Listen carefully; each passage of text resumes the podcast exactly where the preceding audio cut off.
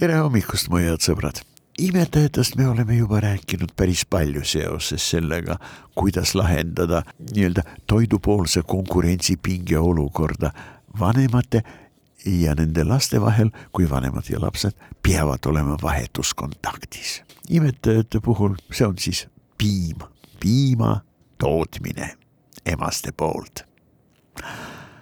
väga hea lahendus on evolutsiooni poolt leiutatud ka nende kalade jaoks, kellel on ka väga tähtis vahetu kontakt vanemate ja nende maimukeste vahel.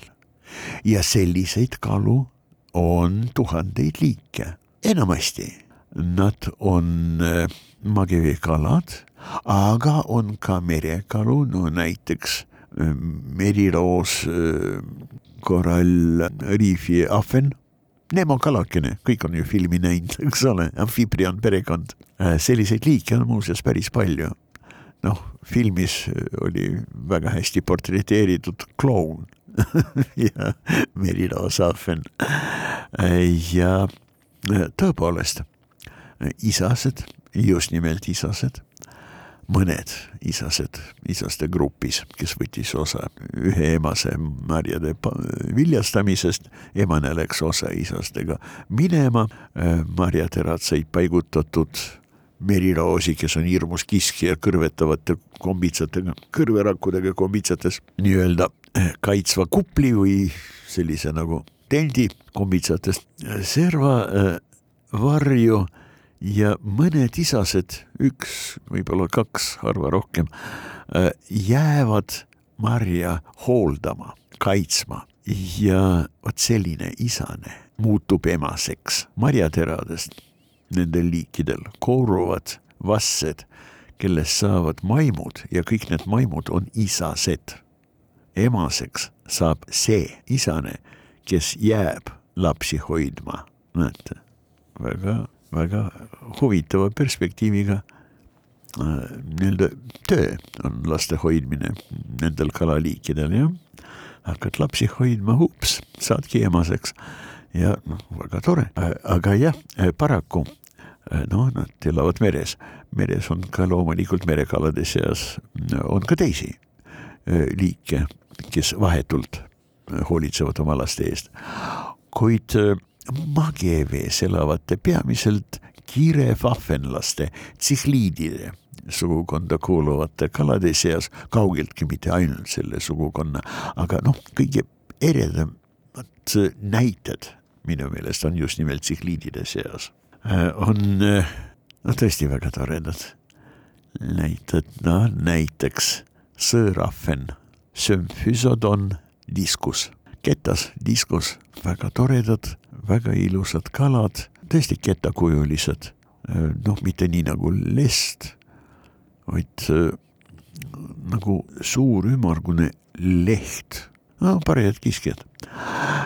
isastel on imekaunis pulmarüü, et sellised nagu vikerkaared, väikesed, vanklevad vikerkaared on nagu maalitud isase üüratult laia vasaku ja siis parema külje peale.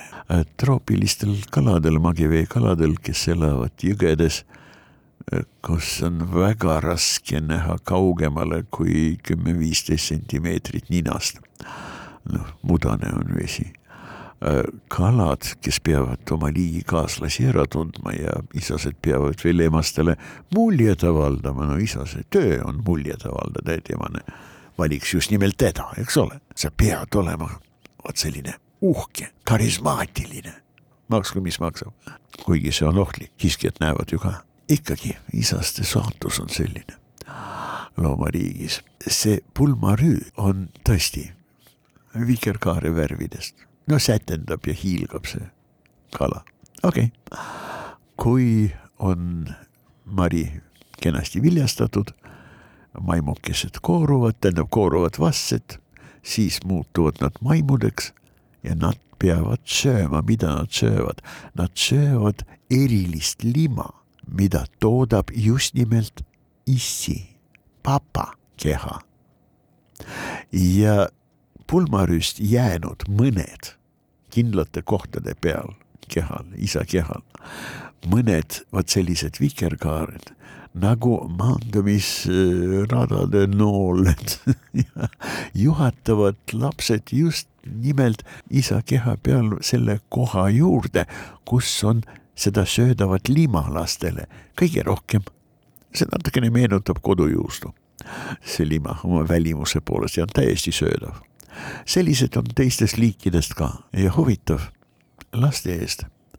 kaladel ka tüüpi strateegia liikidest hoolitsevad reeglina isased, on ka muidugi sellised äh, liike, kus lastega tegelevad mõlemad vanemad. lapsed on isal suus, ema toitub, teeb kalamarja, viljastamata marja, see on siis definitsiooni kohaselt kaaviar ja siis ujub isa juurde, isa teeb suu lahti, lapsed vaatavad, istuvad isa suu sees, vaatavad välja ja ema nagu kuulipildujast laseb nendele sinna isa suu sisse kalamarja ja lapsed söönud. aga vaatame, kuidas on lood lindude klassis, vaata seal, mida söövad vanemad, sedasama söövad lapsed.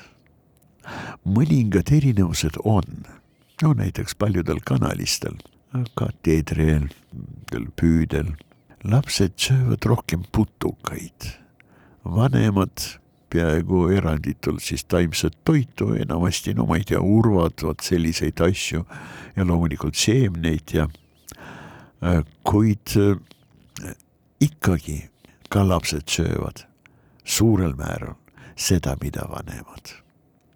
ja lindudel on väga kiire ainevahetus. see on väga-väga üldine reegel. väga edukad dinosauruste järglased üliedukad, tõepoolest. ja nendel on kõrge kehatemperatuur, väga kiire ainevahetus ja lastel reeglina väga kiire kasv. lindudel munevad absoluutselt kõik liigid. kujutate ette, linnud, muna on vaja, nad on ju püsisoojased, on vaja soojendada, aega kaotada ei ole. lapsed kooruvad ja kuigi nad on väga erinevad, lindude klass on tohutu, tohutu mitmekesise bioloogiaga klass, väga mitmekesine. kuidas siis lahendada seda toidupoolse konkurentsi vanemate ja nende vahetute laste vahel, kuidas seda pinget alandada paar eluks ajaks või vähemalt hooaja lõpuni. ja see on enam levinud just nimelt lindude klassis. ülilevinud, me oleme sellest varem rääkinud, ma olen sellest päris mitu korda rääkinud, see on tõesti hämmastav. sada seitsekümmend üks sugukonda klassis, kümme tuhat liigi kokku ja nendest sada viiskümmend koosnevad monogaamsetest liikidest paar eluks ajaks.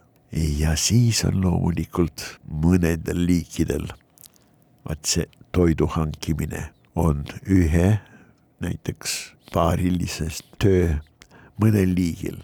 toidu toovad mõlemad, isa ja ema, teisel ainult isa, on selliseid, kellel toitu toob ainult ema ja isa hoiab lapsi pidevalt pesa peal.